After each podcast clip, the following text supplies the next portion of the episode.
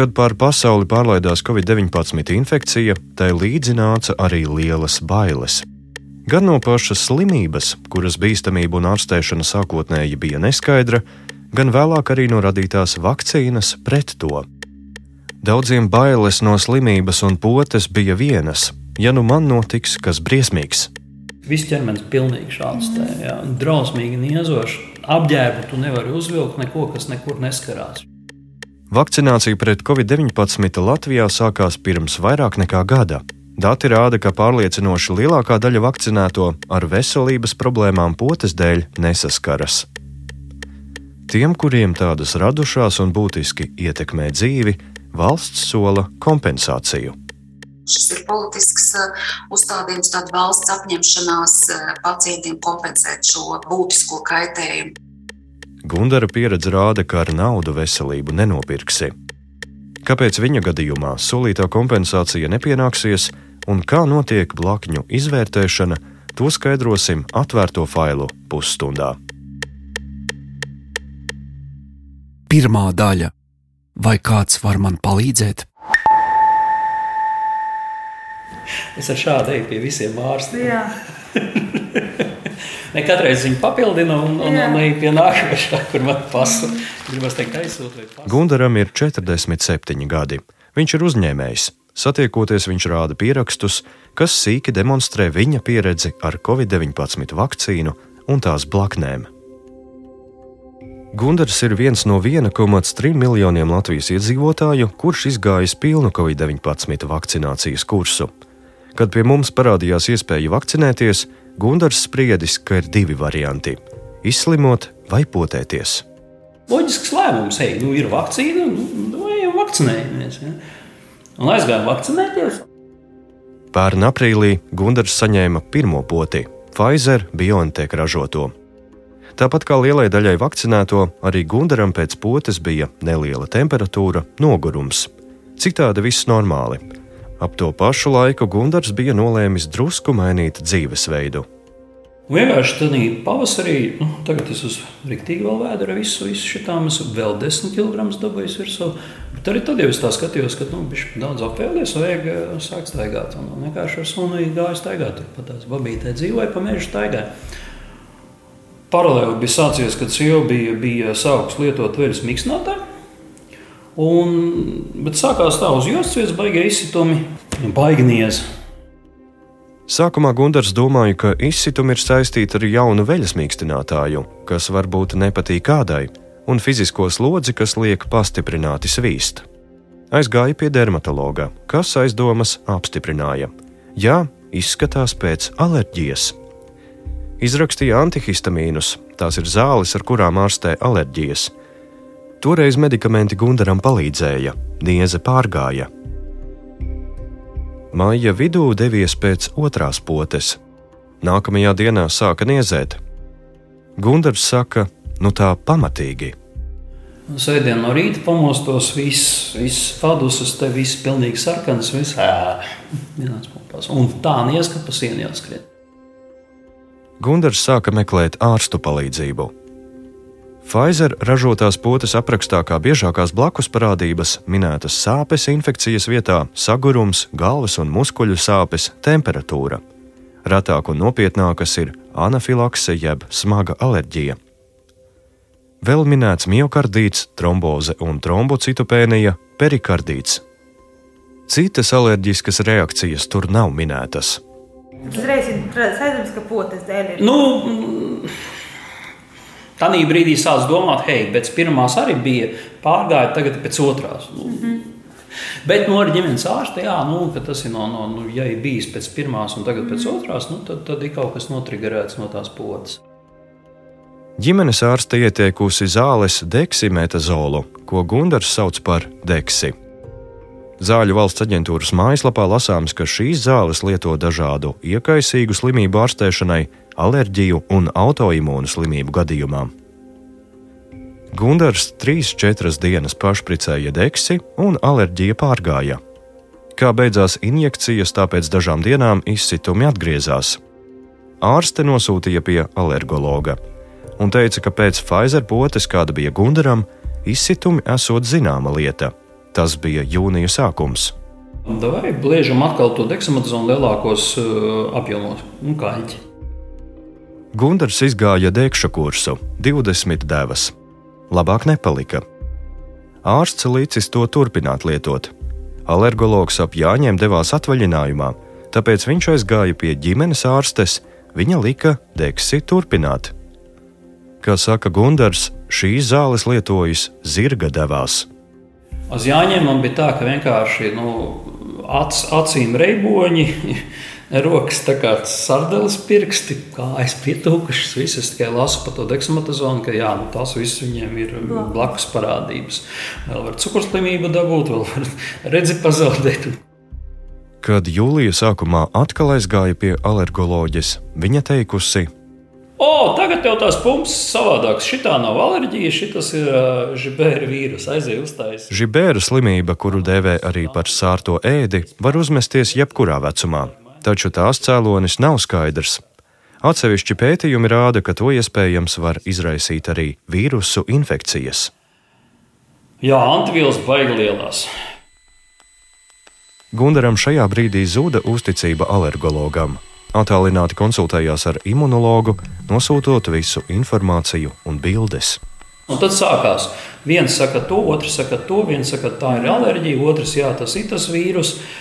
Uz to vīrusu taisa tikai šīs antivielas. Uz to žibēra. Jā, žibēra. žibēra jā.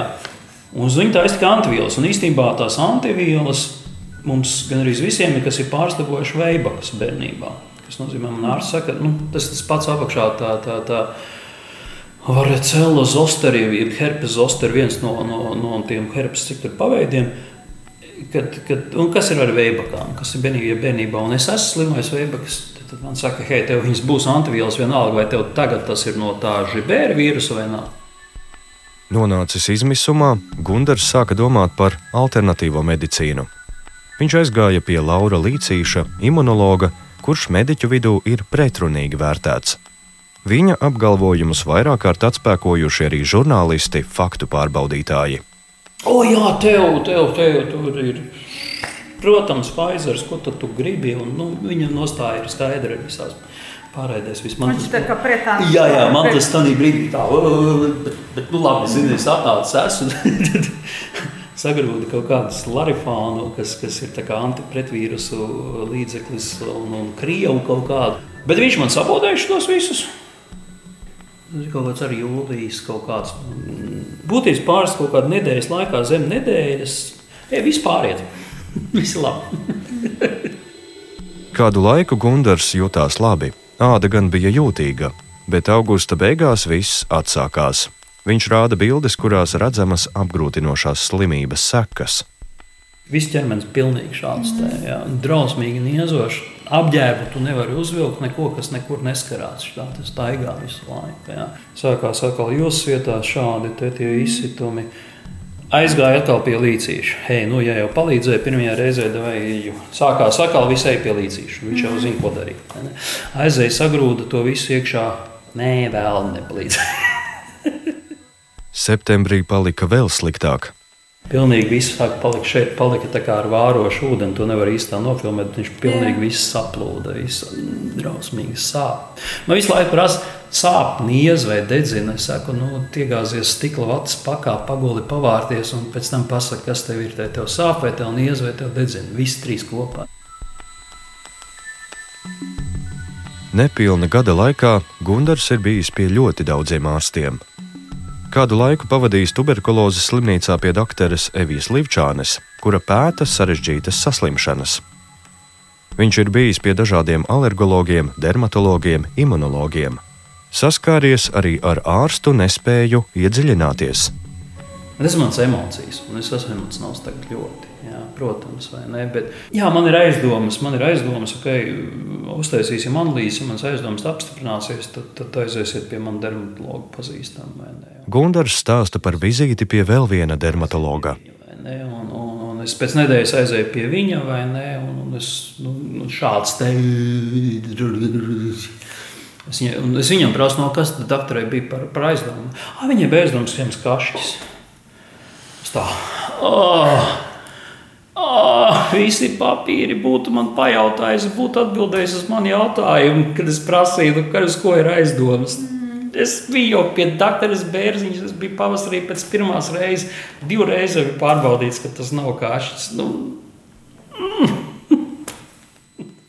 Vēl Gunārs ir bijis pie reumatologa, taisījis biopsiju, bijis pie infektologa. Jūs bijat pie vis, visiem ārstiem, palielinām. Nu, pie ginekologa neesmu bijis. nu, jā, saprotams. Un man ir ļoti garš saraksts, ko es tagad varētu sataisīt vispār par šo, par šo gadu ar slimībām, kuras man nav. Viņa dzīve ir nestabila. Pāris mēnešus neciešama nieze, tad mēnesi, divus atelpas laiks. Tad ādas problēma atkal atgriežas. Kad runājam otrais, mazliet vēlākā mēnesi pēc pirmās sarunas, viņš ir piedzīvojis pagaidām neskaidrās slimības ceturto recidīvu Biopsija apstiprināja, ka tas, kas Gundaram ir uz ādas, ir žibēra slimība. Neviens nevar pateikt, no kā viņa ceļās. Kāds ir pateicis, tas ir vakcīnas dēļ? Un... Man ir, man ir viennozīmīgi, ir, ir, ir ģimenes ārste, ir, ir ziņojusi Zāļu valsts aģentūrai.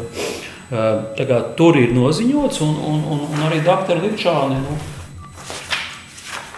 No, kur bija, kur bija doktora Likšana arī bija rakstījusi, kas, kas, kas, ka tas ir saistībā ar, ar pēc, nu, jā, redz, kur uh, nes kaut kāds ādas kapelācija pēc Covid-19 vakcinācijas. Jā, ir izraksts, jā.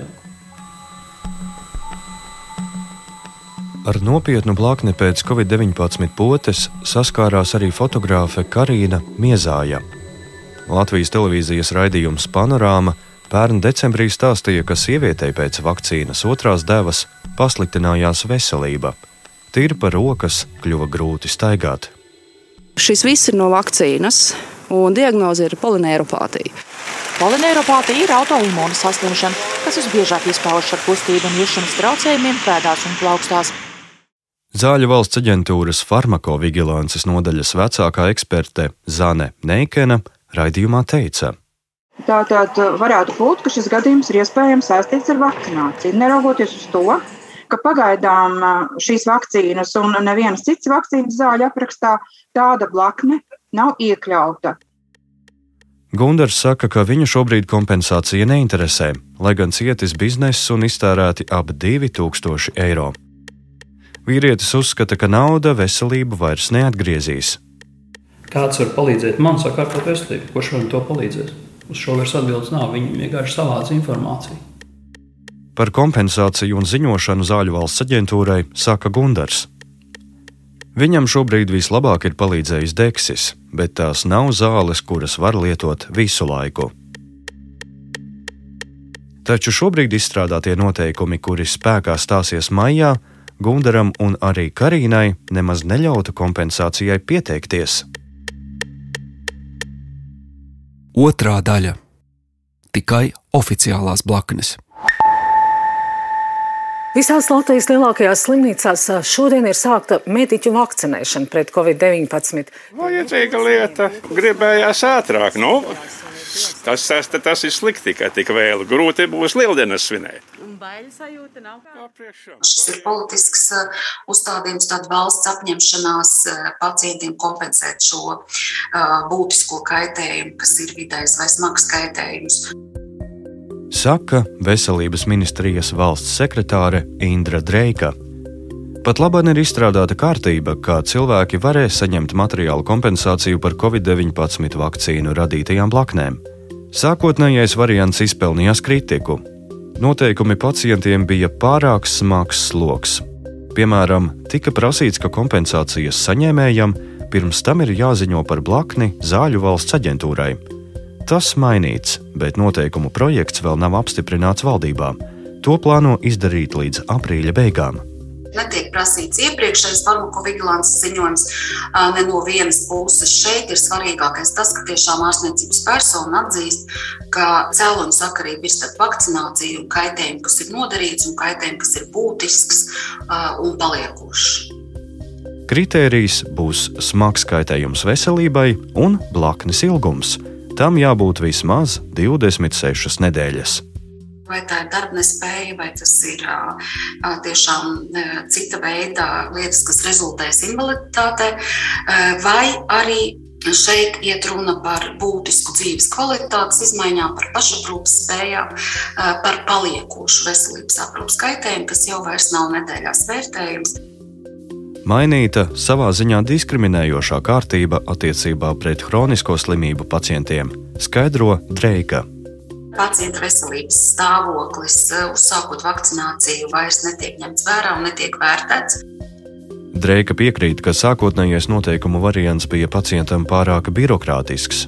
Viņa to skaidro ar šādas kārtības unikalitāti tas, ka šis ir pilnīgi jauns instruments, mums īsti nebija nekur pašpikot vēl, jo tajā brīdī mēs bijām diezgan līdzīgā situācijā arī ar ārvalstīm, kuras arī nebija izstrādājušas eh, konkrētus mehānismus. Šobrīd mēs jau varam paskatīties, ko plāno viena, otra vai trešā valsts. Taču noteikumos ir punkti, kuri norāda, ka, piemēram, Gundaram, ja viņš vēlētos, kompensācija nepienākas. Sadaļā par kārtību, kā pieteikties kompensācijai, ir šāda piebilde. Blakusparādība ir minēta Covid-19 vakcīnu zāļu aprakstā. Šajos noteikumos arī uzsvērts, ka blaknei ir jābūt minētai zāļu aprakstā. Ja tās tur nav, kompensācija nepienāksies. Piemēram, sižetā par Karīnu Zāļu valsts aģentūras pārstāve norāda, ja blakne ir saistīta ar poti, bet oficiālajos blakņu sarakstos nav iekļauta. Veselības ministrijā mums apstiprināja, ja ārsts pacienta saslimšanu sasaista ar poti, bet tā nav oficiāli iekļauta zāļu aprakstā, tad kompensācija viņam nebūs. Zāļu valsts aģentūrā runājot par blakņu ziņojumiem, uzsver, No viena ziņojuma mēs nevaram pateikt, ka tā ziņotā reakcija ir tiešām saistīta ar zālēm. Ja datu bāzē parādās daudz šādu ziņojumu, tad tas ir signāls. Tālāk šis signāls tiek vērtēts kontekstā ar visu citu informāciju, kas ir tajā brīdī pieejama. Tie ir kliniskie pētījumi, eh, tie ir neklīniskie pētījumi, tās ir arī zinātniskas publikācijas un tiek izvērtēts, cik tās publikācijas ir, eh, varētu teikt, uzticamas saka Zane Neikena, aģentūras vecākā eksperte. Proti, pat tas, ka ārsts ir secinājis, ja veselības problēmas ir saistītas ar poti un paziņo zāļu valsts aģentūrai, tas nenozīmē, ka blaknes nonāks oficiālajā sarakstā. Ir jāsavācas kritiskajai masai šādu ziņojumu, lai blakni ierakstītu zāļu aprakstā. Tad, izējot cauri starptautiskai zāļu vērtētāju mašinērijai, Katras valsts institūcijas, Latvijas gadījumā Zāļu valsts aģentūra, saņem vēstules ar jauno blakņu sarakstu. Neikena vēlreiz uzskaita šobrīd atzīto nopietno blakņu sarakstu. Vēstulēs ir par trombozes un trombocitopēnijas sindromu, par pastiprinātu kapilāru caurlaidību, tad arī par uh, Gijēna Barē sindromu, Tikmēr Gundars uzdod retorisku jautājumu, kāda ir jēga no viņa ziņojumiem Zāļu valsts aģentūrā. Viņš cerēja, ka ar viņu kāds sazināsies, palīdzēs tikt galā ar problēmām. Taču tā tas nenotika. Neikena saka, tas ir pacienta ārstu darbs. Ziņojot par blakni, mēs eh, nedarām tik daudz labu sev, bet mēs darām labu citiem cilvēkiem, kas pēc tam lieto zāles. Iespējamība, ka cilvēks saskarsies ar nopietnām blaknēm, ir ļoti neliela. Tieši ģimenes ārsti ir tie, pie kuriem pirmajiem nāk pacienti sūdzoties par veselības ķibelēm, saka Līga Kozlovska, Latvijas lauku ģimenes ārstu asociācijas vadītāja. Dažādas um, blaknes, kas ir pēc Covid-19 vakcinācijas, neapšaubāmi manā praksē ir bijušas jau no pagājušā gada pavasara. Pēc AstraZeneca vairāk, pēc uh, Pfizera mazāk, pēc Modernas ir vairāk bijušas tāda kā temperatūras, jā, tā kā pēc Pfizera atkal sāpes plecā, bet uh, nu, tās nav tādas blaknes, par kurām man būtu bijis jāziņo zāļu valsts aģentūrai, mm. jo dažu dienu laikā šīs blaknes ir pārgājušas. Zāļu valsts aģentūrai, kura apkopo ziņojumus par nevēlamām blakus parādībām, Kozlovskai nav nācies ziņot par kādām nopietnām problēmām pēc potes. Protams, ka ir bijis, jā, protams. Bet, uh, paldies Dievam, tās blaknes nav bijušas smagas. Ja? Tās ir bijušas tādas vieglas vai nu, maksimums vidēji smagas. Ja? Es atceros tikai vienu, divus gadījumus, kad bija tā nopietni. Arī Latvijas ģimenes ārstu asociācijas valdes loceklis Pauls Princis nav informēts par nopietnām ķibelēm. Biežāk piepamst vai sāp tā vieta, kur ir iešpricēts. Vienai pacientei bija tāds rokas piepampums ļoti ilgi, ja, gandrīz vairāk pat par divām pusnedēļām. Ja, tā, kā, nu, tā bija tāda nopietnākā blakne. Tās var būt anafilakse, jeb smaga alerģiska reakcija, tromboze, miocardīts. Tās ir smagās blaknes, kuras minētas zāļu aprakstos. Kopumā Latvijā līdz februāra beigām bija saņemti vairāk nekā 3000 ziņojumu par blaknēm no Covid-19 vakcīnas. Par būtiskiem, jeb tādiem, kuri var nopietni ietekmēt veselību, atzīti 756 ziņojumi. Visvairāk 22 bijuši par venozo trombemboliju, 19 par miocardītu, un to pa trīnieku noslēdz anafilakse. Cilvēki, kuri cietuši no šīm un citām zāļu aprakstos atzītajām blaknēm, varēs pretendēt uz kompensācijām. Veselības ministrijā saka, ka šobrīd izstrādātie noteikumi ir galīgie un gaidāms, ka tie spēkā stāsies 1. maijā. Tad sabiedrība redzēs, kā tie strādās praksē. Tomēr šobrīd ir skaidrs, ka tie Gundaram nepalīdzēs atgūt veselību un saņemt kompensāciju. Trešā daļa - koncīliji un komisijas.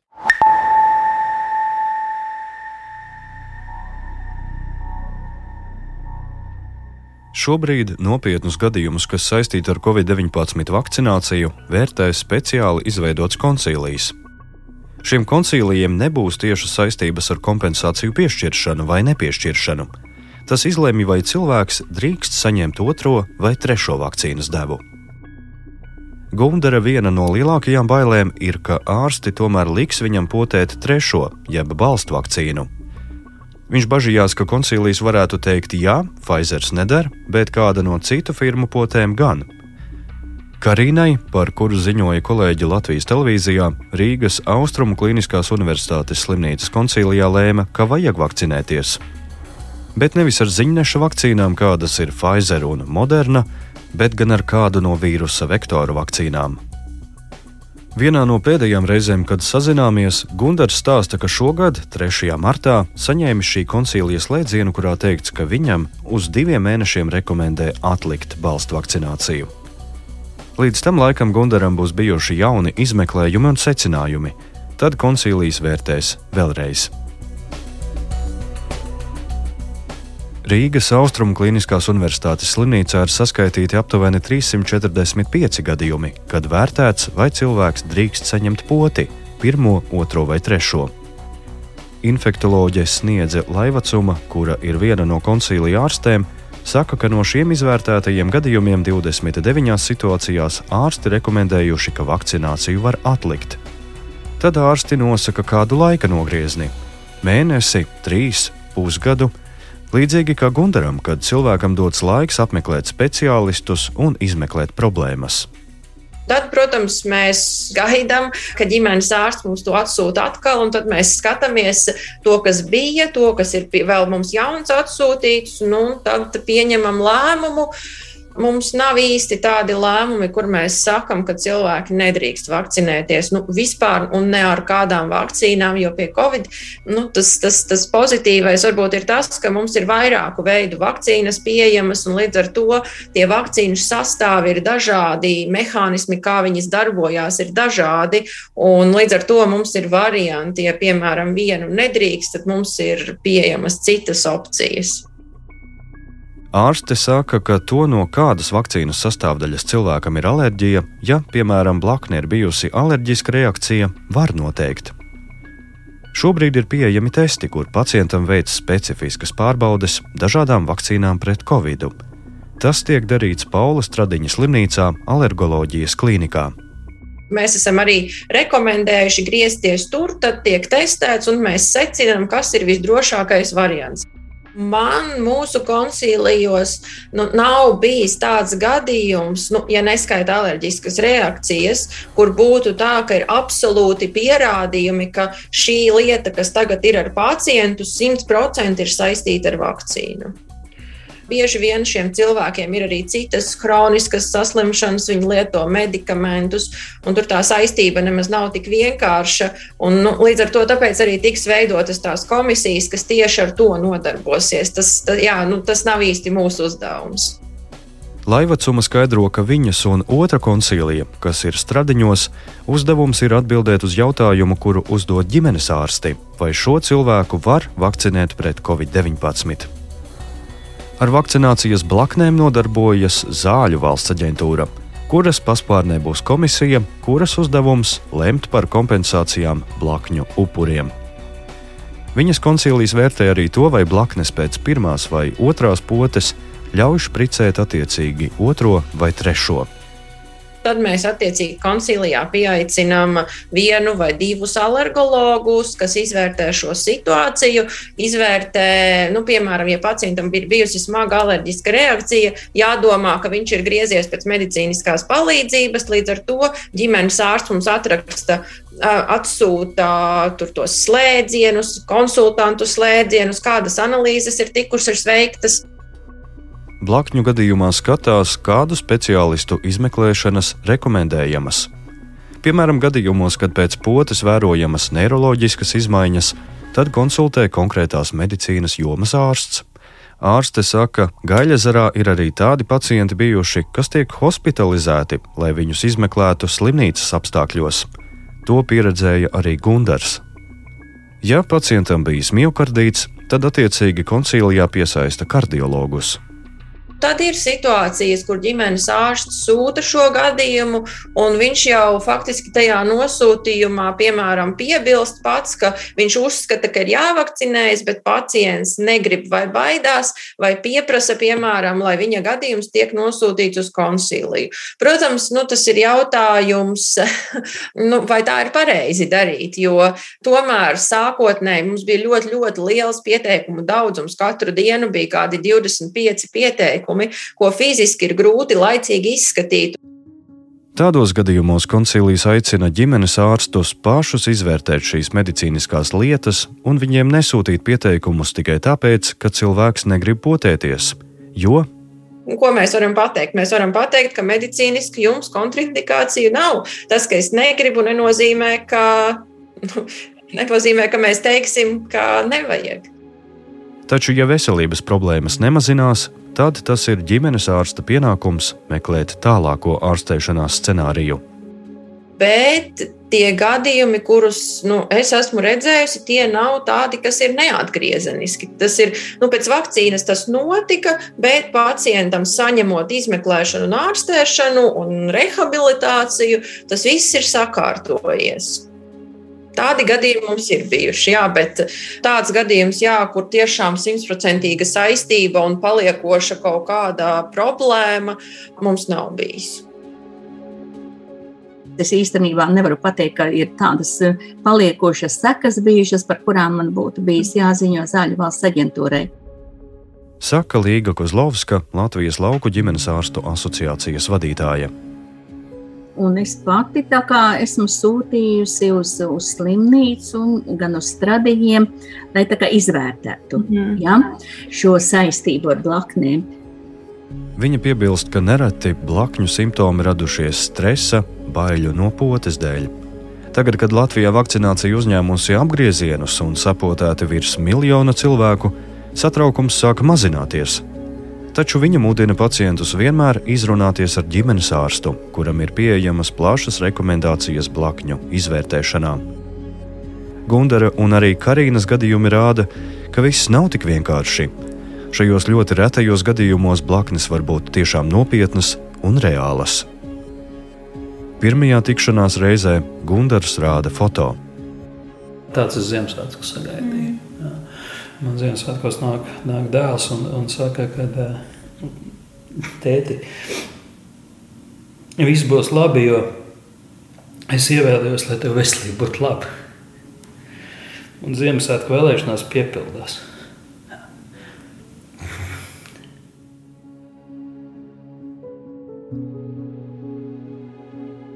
Raidījumu veidoja Zane Mače, Filips Lastovskis, Sindija Kostegova, Reinis Budze un Matīs Budovskis. Atvērtie faili!